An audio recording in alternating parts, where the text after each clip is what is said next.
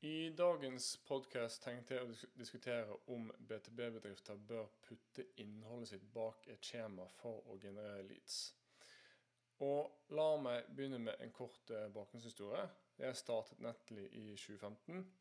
Var en generalist som gjorde egentlig alt mulig av tjenester relatert til digital markedsføring eh, for å få kunder. Så det kunden eh, spurte etter, det, det prøvde jeg å, å få til. Eh, og så fant jeg ut om inbound marketing og et selskap som heter HubSpot. Og eh, selskapet mitt kjøpte en lisens eh, på HubSpot og begynte å følge inbound-metodikken. Og den gangen så gikk eh, inbound-metodikken i stor grad ut på at eh, du gir meg noe før jeg gir deg noe. Eh, så du som en potensiell kunde, du gir meg din kontaktinformasjon, og så får du innhold. Du får en e-bok, du får en sjekkliste. Så jeg har laget guider om eh, blogging for BTB, sjekklister, eh, opprettet landingssider på nettsiden og puttet dette innholdet bak et skjema. Og grunnen til at du gjør dette, er ganske enkelt. Du ønsker å innhente kontaktinformasjon, slik at du kan opp, eller følge opp eh, denne personen i etterkant. Og det er også en måte for deg å kvalifisere om dette er en reell om det er en god mulighet for en, en avtale for din bedrift. Så da, da spør du om navn, e-post, tittel, selskap. Og det som antagelsen jeg hadde, var jo det at hvis du lasta ned en e-bok om, eh, om, om, innhold eller, tema som er relatert til eh, kjernetjenestene våre, så er det ganske naturlig at eh, de har en høyere sannsynlighet for at de kommer til å kjøpe. Eh, så vi, når vi begynte å gjøre denne taktikken, så var det ganske kort tid til vi fikk resultater. Eh, folk lastet ned eh, e-bøker, vi, vi satte opp møte. Tilbakemeldingen som vi fikk da, var ofte at de ikke hadde lest e-boken når vi møtte, møtte en potensiell kunde. Um, men likevel var det en strategi som jeg brukte både for mitt eget byrå eh, og for mine kunder, for å hjelpe dem å få flere leads, få flere kunder. Men holdningen min til å putte innhold bak et skjema har endret seg ganske mye siden 2015. Og i dag har jeg tilgang, har oversikt på ca. 25 Hubspot-portaler. Eh, og jeg får mye innsikt i hva som fungerer for BTB-selskaper med komplekse produkter og løsninger. og jeg hører ofte de samme tingene i sakssamtaler om hvor dårlig kvaliteten på leadsene eh, er når de har brukt denne e-bok eh, bak et skjema-tilnærmingen. Så kanskje man har lykkes med å få masse leads, og så har markedet sendt disse leadsene til salg. Eh, men så ser salget at okay, det, dette er bare gmail-adresser. Dette er personer som ikke har noen beslutningsmakt i selskapet. Eh, kanskje det er falsk informasjon. Eh, og så frasier markedet seg ansvaret og sier ok, det er ikke vårt ansvar at dere ikke klarer å close leads, leadsene. Men når eh, Men det er jo ikke så enkelt som at skal du putte innhold bak et skjema eller ikke? Så noen hevder jo at det er helt dødt å putte innhold bak et skjema, og at innhold bør være fritt tilgjengelig, at noen, eh, og noen vil argumentere for at du skal ha en kombinasjon. Um, og jeg ønsker å diskutere noen av ulempene og fordelene med å putte innhold bak et skjema, og dekke kanskje noen, noen nyansene som mange andre ikke gjør når det gjelder denne diskusjonen. Um, og jeg syns det er en, en, en viktig eh, diskusjon, for det, dette, er en, dette, er en, taktikk som er veldig eh, utbredt hos mange norske BTB-bedrifter. Og det kan ha stor, stor, innvirkning på resultatene når det kommer til vekst, når det kommer til å vinne nye kunder. Så skal, hvordan, eller om du skal bruke den taktikken, eh, kan ha stor innvirkning på, på, på resultatene. Så, så la oss late at vi at vi er en markedsavdeling i, eh, i et selskap som selger produkt innen cybersikkerhet. Og, og vi selger et, vi selger produkter til mellomstore og store bedrifter innenfor den finansielle sektoren. Eh, vi har en liten maksavdeling, eh, men vi har en større saksavdeling på ca. ti selgere som ønsker å få flere varme leads. Og så har vi en whitepaper som kalles de ti største sikkerhetsrisikoene for CIO-er i en finansiell sektor. Så, så hva er liksom de ulike tilnærmingene? Hva, hva, vi, hva, er lurt å gjøre med dette innholdet for å få mest mulig effekt, få mest mulig henvendelser og kunder eh, fra innholdet vi har brukt mye tid å sette sammen. Så la oss begynne med hva som er fordelene med å putte innhold bak et skjema. Så det første er jo, i hvert fall i teorien, at innhold eh, bak et skjema genererer leads, kvalifiserer leads og segmenterer dem i, i, på bransje, på rolle osv. Så, videre. så det er kanskje den mest åpenbare fordelen. Eh, du får en liste med kontakter som du kan sende til salg eh, fordi de har vist interesse i eh, problemet eller tematikken i, i, i, innholdet. Så istedenfor at salg må ta la oss si 100 kalde samtaler eller sende, sende masse kalde e-poster eh, til personer som egentlig har vist null intensjon og null interesse, så kan du heller bruke tiden med å være mer produktiv, og så når du ut til de eh, 20 CIO-ene som har vist interesse ved å kommentere på et skjema. Eh, og da vil jo du anta at eh, disse personene har kommet lenger i sin kjøpsprosess, at de nærmer et kjøp. Fordi de eh, undersøker aktivt et tema som er relatert til produktet ditt. Og hvis det som vi vet med BTB-salgsprosesser eller kjøpsprosesser, er at det er en ganske liten andel av markedet som kjøper om gangen. Så la oss si at 99% ikke kjøper, og så er det 1% som, som er i en aktiv kjøpsprosess. Eh, så kan jo innhold bak et skjema hjelper deg med å identifisere den ene prosenten som er en aktiv kjøpsprosess. Um, og da kan den informasjonen, den kontaktinformasjonen være verdifull, for nå kan du segmentere kontaktene basert på hvor engasjert eh, de er. Altså hvor engasjert de er i det å lese innholdet ditt, konsumere informasjonen. Um, og da slipper du å bruke tid på leads som har, eller kontakter som har lite sannsynlighet for å kjøpe det. Um, det neste er jo at innhold bak et skjema uh, Hvis du samler inn kontaktinformasjon, så kan du faktisk berike den kontaktinformasjonen og redusere friksjon uh, i uh, kjøpsprosessen. For det som er problemet med et skjema, Eh, det at det kan være veldig langt. Det kan være veldig mange felter som skremmer potensielle kunder litt vekk. Så hvis du ber om telefonnummer, tittel, selskap, omsetning, som veldig mange selskaper gjør altså de, de, blir litt grådigere rett og slett når det gjelder innsamling av informasjon fra potensielle kunder. Eh, så eh, kan du gjøre noen smarte grep fra din side. Så det er en vanskelig balansegang når du putter innhold bak et skjema, for du må naturligvis generere kvalifiserte leads, så eh, kvalitet over kvantitet. Men du må også balansere det med å ikke be om for mye, slik at du skremmer vekk veldig mange potensielle kunder. Og det du kan gjøre, du kan faktisk berike CRM-systemet. Så la oss si at du kun ber om e-post og navn.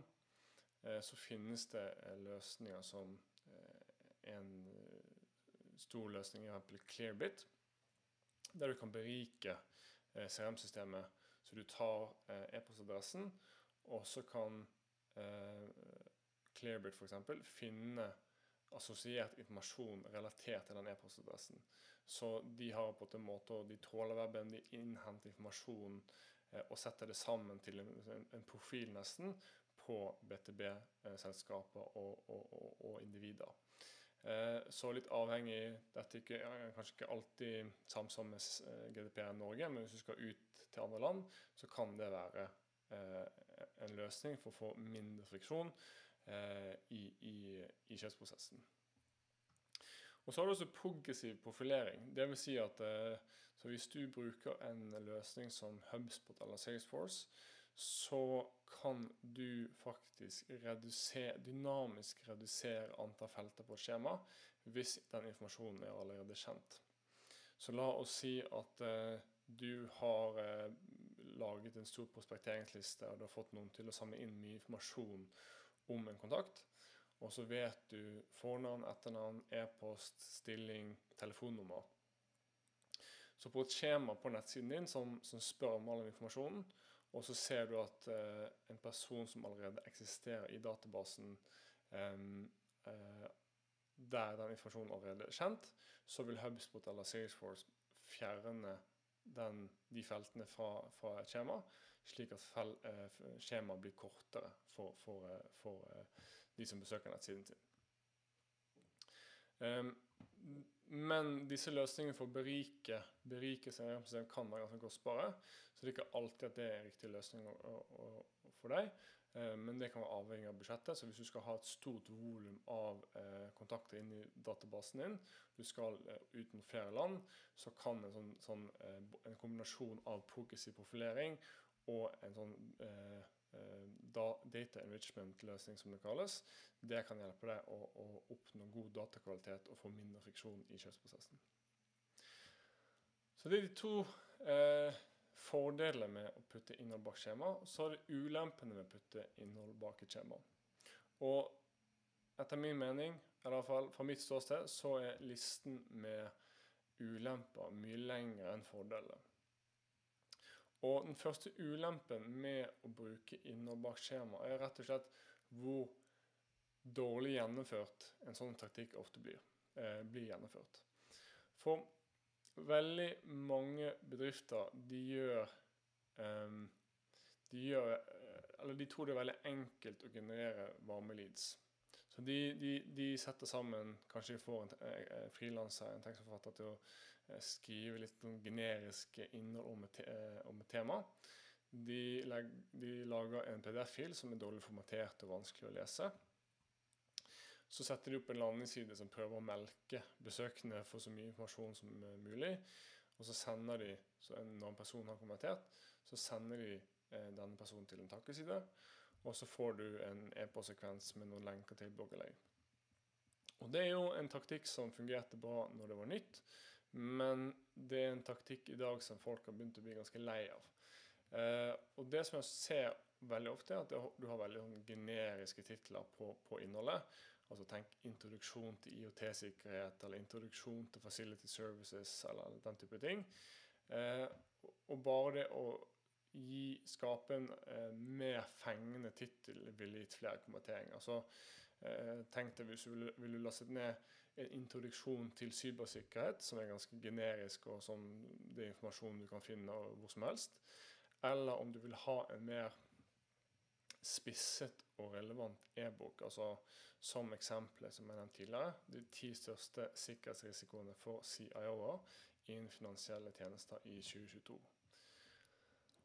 Så hvis du skal putte innhold bak et skjema, så må tilbudet være verdifullt og spesifikt selv om det er gratis. Og du må kalle ut til målgruppen, være veldig eh, eh, snever med tanke på eh, hvem du eh, prøver å kommunisere med. Og så ser jeg ofte det at veldig mange bedrifter har veldig dårlig designet landingssider med veldig generisk tekst og lange skjemaer som ikke fungerer så bra på mobil. Og da har du et pengesug der du annonserer eh, for disse e-bøkene på LinkedIn og på, på, på, um, i Google, på Facebook. Eh, der, og personer er på ikke på sosiale medier for å, å bli pushet inn i en slags prosess. De er der for, for å lære noe eller utdanne seg nå, eller bli underholdt. Eh, og jeg vet at kostnaden for å generere leads på denne måten kan bli ganske høy.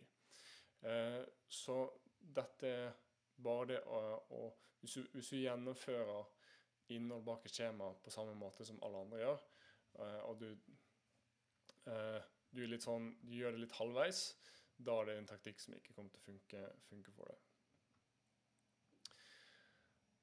Den neste ulempen med å putte, eh, putte innhold bak et skjema, det er at det er en veldig stor risiko for at du betaler for leads av lav kvalitet, eller som er falske. Så Kanskje det største problemet med å putte innhold bak et skjema, er at du ofte vil betale for dårlig eller falsk data. Så du vil i noen tilfeller betale for falske data flere ganger, ettersom folk bruker kanskje en midlertidig e-postadresse for å få innholdet. Så de melder seg på eh, webinarer, eh, de, de, laster ned e-bøker, de, de, de, fyller inn skjema for å se en video. Og disse midlertidige e-postene, det er jo eh, Du kan registrere deg for en eh, midlertidig e-post helt gratis. Du får en midlertidig innboks. Eh, dette er noe veldig mange gjør. Eh, de legger inn falske data for å unngå å motta markedsføring fra, fra bedrifter. Og de ønsker å unngå å få masse e-post eh, og bli oppringt av en selger fordi at de, de, vil bare ha informasjon i videoen eller i e-boken.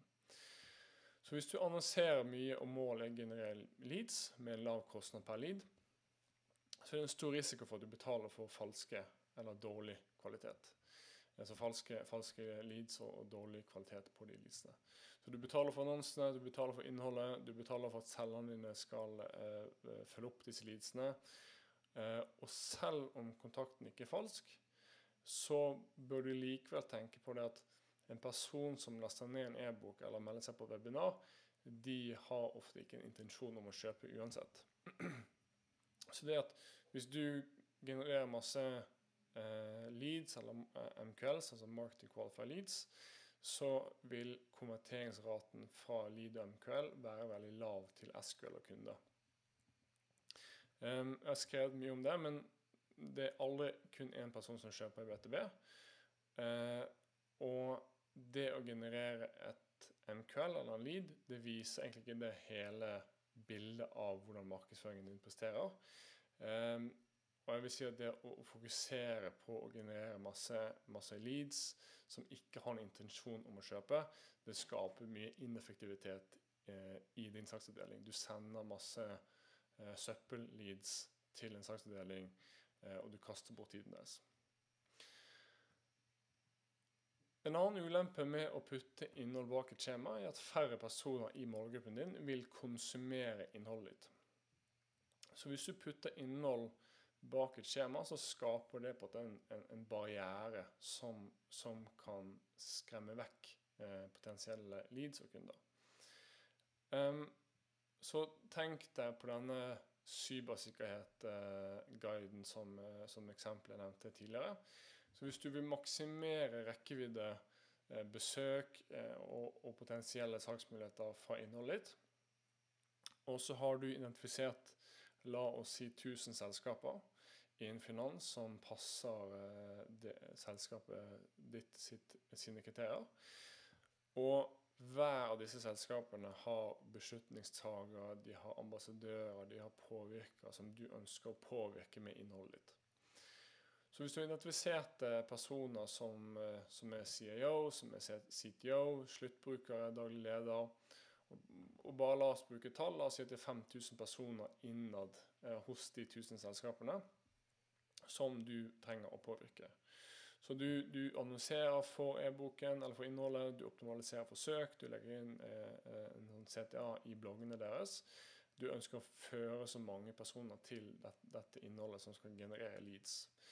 Um, og selv om alle disse 5000 personene så e-boken, eh, eller annonsen din, så vil jo det være et frafall der allerede der det er veldig mange som ikke kommer til å klikke på annonsen. Så de ser den, men de scroller videre. Men la oss si at uh, eh, 1000 av de klikket uh, seg til landingssiden. Uh, så du har 5000 mennesker, 1000 klikker seg videre til nettsiden din. 20% av de kommenterer, så du har 200 si, kundeemner. og så har du 50 personer som faktisk leser innholdet. Men vi, hvordan er regnestykket hvis vi fjerner skjemaet? Så du har da 1000 personer som klikker seg til eh, nettsiden, og som kan konsumere innholdet fritt. Og selvfølgelig vil det være en viss eh, det vil være et visst eh, frafall her også. Det er ikke alle som fullfører hele, eh, som leser hele siden. Men, men, la oss si at det er 500 personer som leser hele, eh, om det er en guide eller en e-bok som du har gjort fritt tilgjengelig. Um, det å bare, å bare å konsumere innholdet, konsumere eh, verdiforslaget, eh, enten om det er en produktside, en artikkel, løsningsside, bransjeside, case study, eh, så kan faktisk dette være noe som driver flere eh, konverteringer i seg selv. Hvis det er 1000 personer som, som, kommer til nettsiden, 500 leser hele, så av de 500 så vil kanskje de være, ha mer sannsynlighet for å be om en demo, be om pris, be om et møte. Så du trenger liksom ikke å putte potensielle kunder i en, en trakt og føre det gjennom en, eh, en, en, sånn veldig rigid eh, salgstakt. Eh, og hvis, lenge, hvis flere bare får konsumert innholdet ditt, og de forstår verdien av det du leverer, så kan det faktisk være noe som driver med business for deg. Så fra et SEO-perspektiv så kan jo ingen Eller det er lite sannsynlig at uh, folk vil lenke til en PDF-fil eller en annen side. Men hvis du gjør innholdet fritt tilgjengelig, så kan du også få noen SEO-fordeler. Du kan gjøre innholdet mer synlig, du kan få mer organisk trafikk høyere organisk eh, autoritet hvis det er flere som lenker til innholdet. Og hvis folk deler innholdet litt, så vil de gjerne ikke dele landingssiden, men de vil dele PDF-filen. Så, så, sånn sett så mener jeg at det, det, det er fordel å putte innhold, eller gjøre innhold fritt tilgjengelig.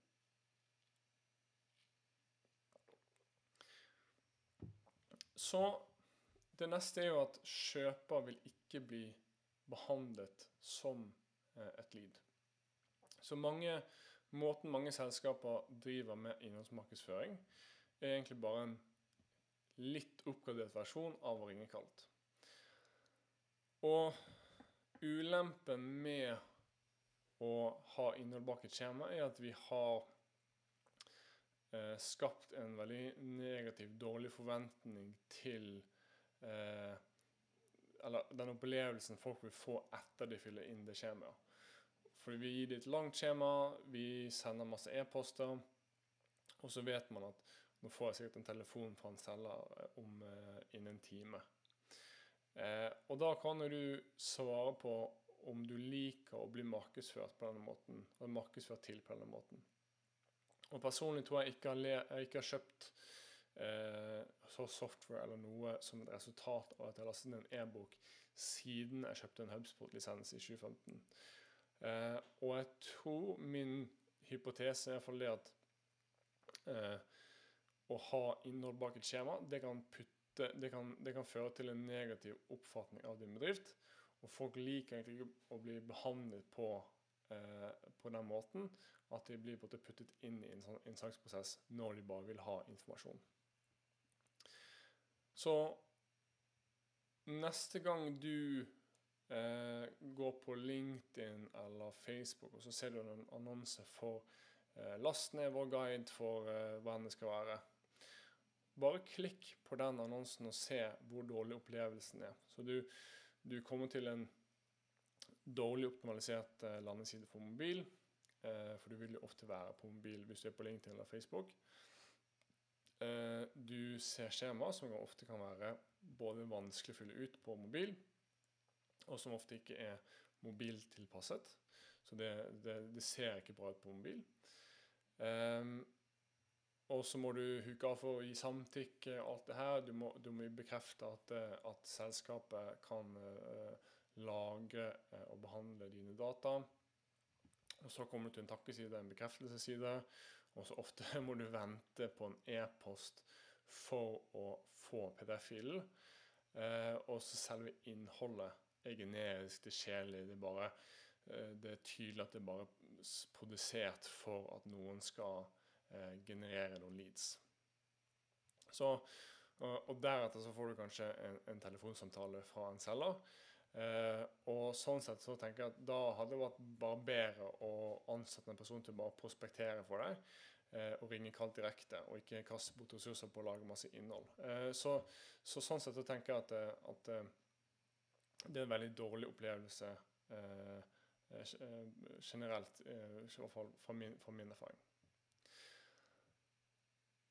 Så neste ulempe er jo det å produsere e-bøker, whitepapers eh, og lignende er jo en veldig langsom prosess.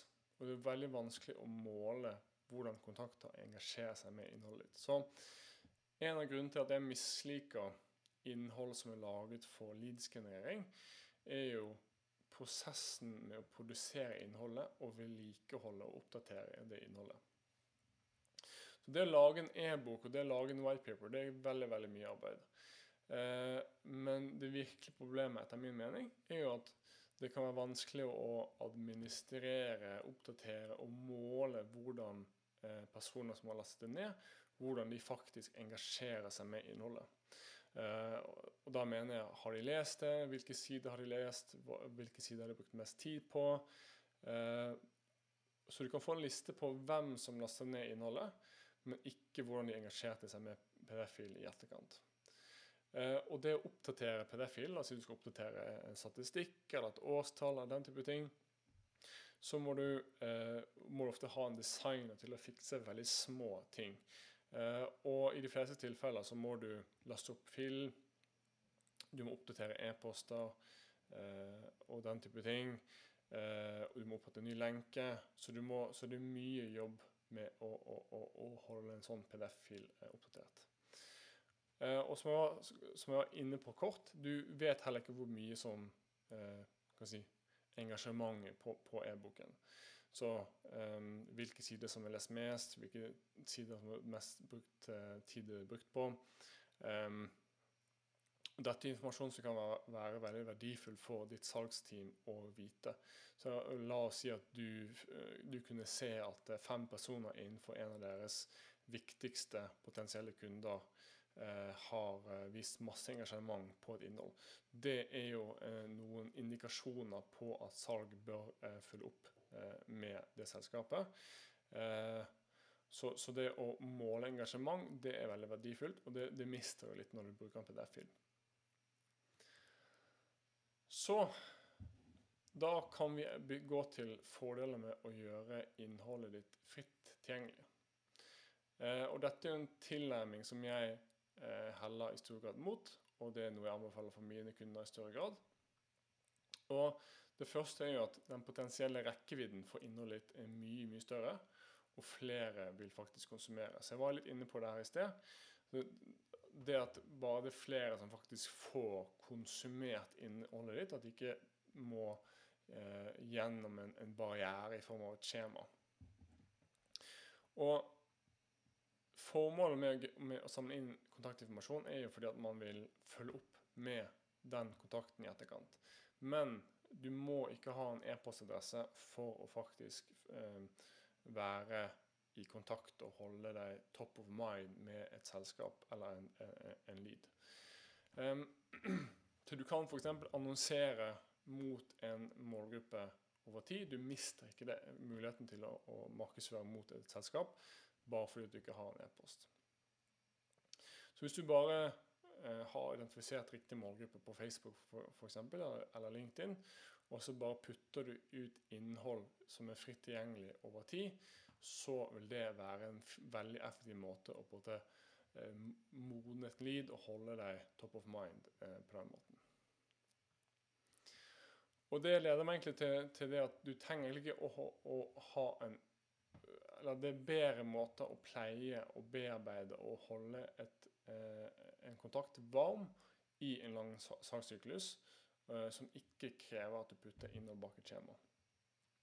Og veldig typisk så har man jo eh, Man har jo hørt om lead nurturing. HubSpot og Salesforce har jo snakket mye om dette, der man sender innhold til et prospect over lang tid for å bearbeide og varme opp disse leadsene.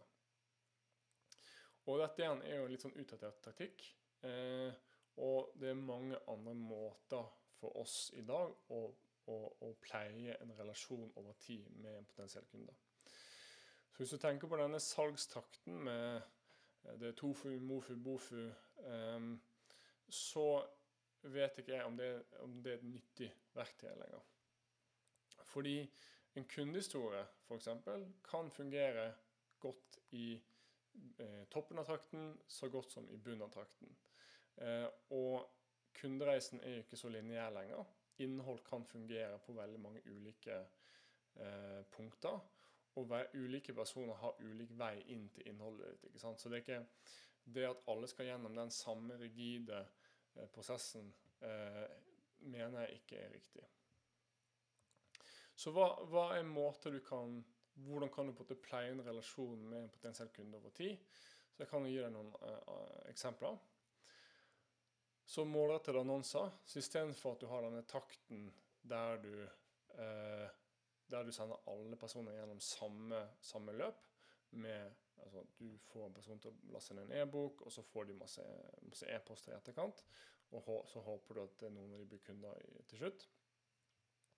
Så kan du heller annonsere og gjøre innhold fritt tilgjengelig. Og la oss si at du har et produkt eller du har en tjeneste.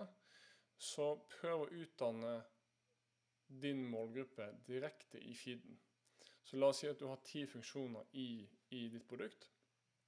Så kan du utdanne og fremheve de direkte i Facebook-feeden, direkte på LinkedIn-feeden, uten at noen må gå til nettsiden i det hele tatt. Og bare la folk konsumere innholdet informasjonen og bygge synlighet, bygge merkevare, bygge, bygge brand. Og dette gjør at folk blir mer klar over hva eh, verdien til produktet ditt er. Eh, og de forstår kanskje at eh, dette er noe de bør ta kontakt med deg for å lære mer om. Så har du organisk LinkedIn. Så hvis du har identifisert 1000 selskaper som du ønsker å jobbe mot, Eh, så er det ganske naturlig at du får dine selger til å knytte kontakt med disse personene i disse tusen selskapene, eh, slik at du kan eh, være i samme nettverk og du kan dele innhold som de ser. Så organisk rekkevidde på LinkedIn er jo ekstremt bra. Så hvis dine selger, hvis deres ansatte kan promotere relevant innhold på LinkedIn, så det vil det noe være mest effektive og rimeligste måten å distribuere innhold for en riktig målgruppe. Så kan du også tenke på salg som en kanal. Så akkurat sånn som Facebook og LinkedIn og, og, YouTube, så kan salg være en kanal som aktivt når ut til kunder, potensielle kunder, med innhold. Så istedenfor å gå rett på pitch og prøve å få, en, få et møte, så sender man relevant innhold eh, på e-post, eh, altså en én-til-én-e-post, som, som, bare proaktivt når ut og prøver å utdanne eh, prospekt. Og så har du også eksempel sånn eh, virtuelle arrangementer og, og podkast sånn som denne. Og det er mange varianter her. Du kan kjøre altså sånn, eh, eh spørsmål- og svar-format, ukentlig produktdemo. Du kan ha kundehistorier, så du intervjuer en kunde. Du kan ha en case study, du kan ha et vanlig webinar, webinar der du presenterer. Eh, og hvis du eh, får folk til å høre eller se på deg, eh, og de bruker 30-60 minutter på å høre eller se på deg. Det er ikke mange formater som, som lar deg holde oppmerksomheten til en målgruppe så lenge som, som webinarer, virtuelle arrangementer og podkast.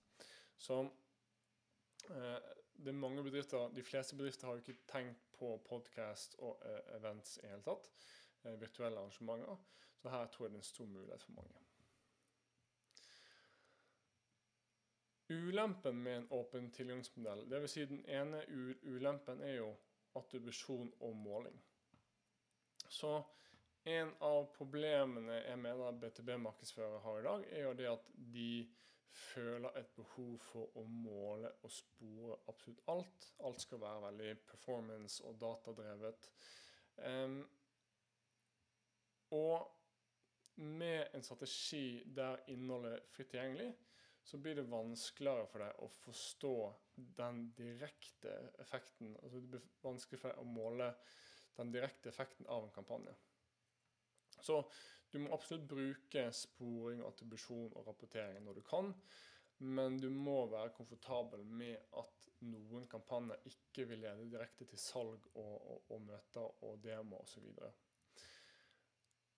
Poenget er at um, selskaper og personer vil ikke kjøpe fra deg hvis de ikke vet om deg. Så du må ha noen kampanjer som er eh, har kun fokus på å bygge synlighet og bygge merkevare, eh, uten å ha en intensjon om at, eh, at, målgruppen skal kommentere og gi fra seg kontaktinformasjon og be om et møte. Og Dette er selvfølgelig et vanskelig salg å gjøre internt, for leder vil jo gjerne ha omsetning, avkastning på, på markedsføringarbeidet. Um, men i en kompleks BTB-saksprosess som tar mange måneder eller noen, mange år, så må du ha en del kampanjer som bare har et mål om å bygge synlighet og bygge merkevare. Eh, og så som gjør at du er i posisjon til å vinne når en kjøper er klar til å kjøpe. For når en person er klar til å kjøpe, hvis du er den første eh, som de tenker på, da vil de gå til deg og ikke til en annen leverandør. Så det er jo disse kampanjene som eh, Disse kampanjene som tar folk fra ikke vite om det og ikke forstå verdien av det du leverer, til at de blir kjent med merkevaren, de, de kjenner igjen eh, logo og fargene. De, de, begynner å forstå eh, hva produktet gjør og hvilken verdi det kan tilføre deres bedrift. Eh, og det vil på en måte være starten på, på deres kjøpsprosess. Og dette er de kampanjene som hjelper deg å finne publikummet ditt på, på, på nett. Eh, også når du pleier de med relevant innhold over lang tid, da på sikt vil de be om en demo, de vil be om en pris, eh, de vil søke etter ditt selskap på Google. Så for å eh, konkludere, bør du sette innhold bak et skjema eller ikke? Ehm, det trenger ikke å være en enten-eller-situasjon. Eh, jeg forstår fullt ut at veldig mange markedssjefer ikke får tillatelse til å kjøre en helt åpen tilgangsmodell. Fordi de er forpliktet til å levere potensielle salg og, og, og, og mate salgsavdelingen med leads. Men hvis du har en e-bok, f.eks., eh, så kan du gjøre en blandet modell. Så du kan eh, fortsette å ha innholdet bak et skjema. Eh, men så kan du dele innholdet opp i eh, sitater, bilder, eh, det kan være eh, statistikk, det kan være små eh, uttrekk av tekst. Og så kan du ta de viktigste, mest interessante bitene av innhold. Eh, og gjøre det til korte videoer eller innlegg på LinkedIn til annonser og den type ting. Og dette kan jo være en fin måte å drive og skape mer synlighet eh, og bygge mer merkevare. Eh, og så kan også det være en driver til at folk vil laste ned hele e-boken. Eh, jeg personlig foretrekker en helt uh, åpen uh, altså en modell der alle kan få fri tilgang til innholdet. Men så klart, jeg har forståelse for at det må være en mellomting. Det må være et kompromiss i noen tilfeller. Ehm, du kan lage et webinar av rapporten. Ehm, du kan gjøre, lage en ehm, eh, spørsmål og svar-format, eh, et virtuelt arrangement, basert på innholdet i en e-bok, i en rapport f.eks. Og, og, og på en måte gjenbruke innholdet i e-boken. Um, du kan også tilby en e-bok uh, Du kan gjøre den fritt tilgjengelig, men så kan du gjøre det nedlastbart som en bonus. Sånn, Kan du ikke lese hele nå, la, eh, legg inn din e-postadresse, og så får du tilsendt i din innboks. Så Det er på en webside med rapporten med e-boken. Eh, det, det, er en egen nettside. Og så kan du sende sende eh, innholdet som, som, en PDF hvis man vil. Så noen liker jo eh, absolutt å, å, å, lese på Kindle eller iPad og sånn fortsatt. Men det er på en slags beregning du kan gjøre, så du må spørre deg selv om eh, er det viktigere for deg å bygge et større publikum, eh, bygge merkevare, enn kortsiktig omsetning og leads. Eh, jeg mener det at, du, eh, at selskaper er best tjent hvis de, de, er best tjent med å fokusere på å gjøre innhold åpent tilgjengelig. Fokusere på å bygge merkevare, og at så mange personer skal kunne konsumere innholdet som mulig. Så prioriter det å utdanne og bygge synlighet først. Eh, at du gir de noe før de, de gir deg noe. Eh, og ehm, at det vil være den mest ideelle eh, ideelle tilnærming for de fleste. Men du kjenner din bedrift best, din bransje best, så du må så klart tenke selv. Eh, det er kanskje ikke alltid like tydelig, men det er iallfall min anbefaling eh, som jeg gjør selv, og som jeg anbefaler våre kunder. Så Det er alt jeg hadde for eh, i dag. Takk for at eh, du hørte på. Jeg håper at eh, du kommer til å følge med på neste episode av podkasten.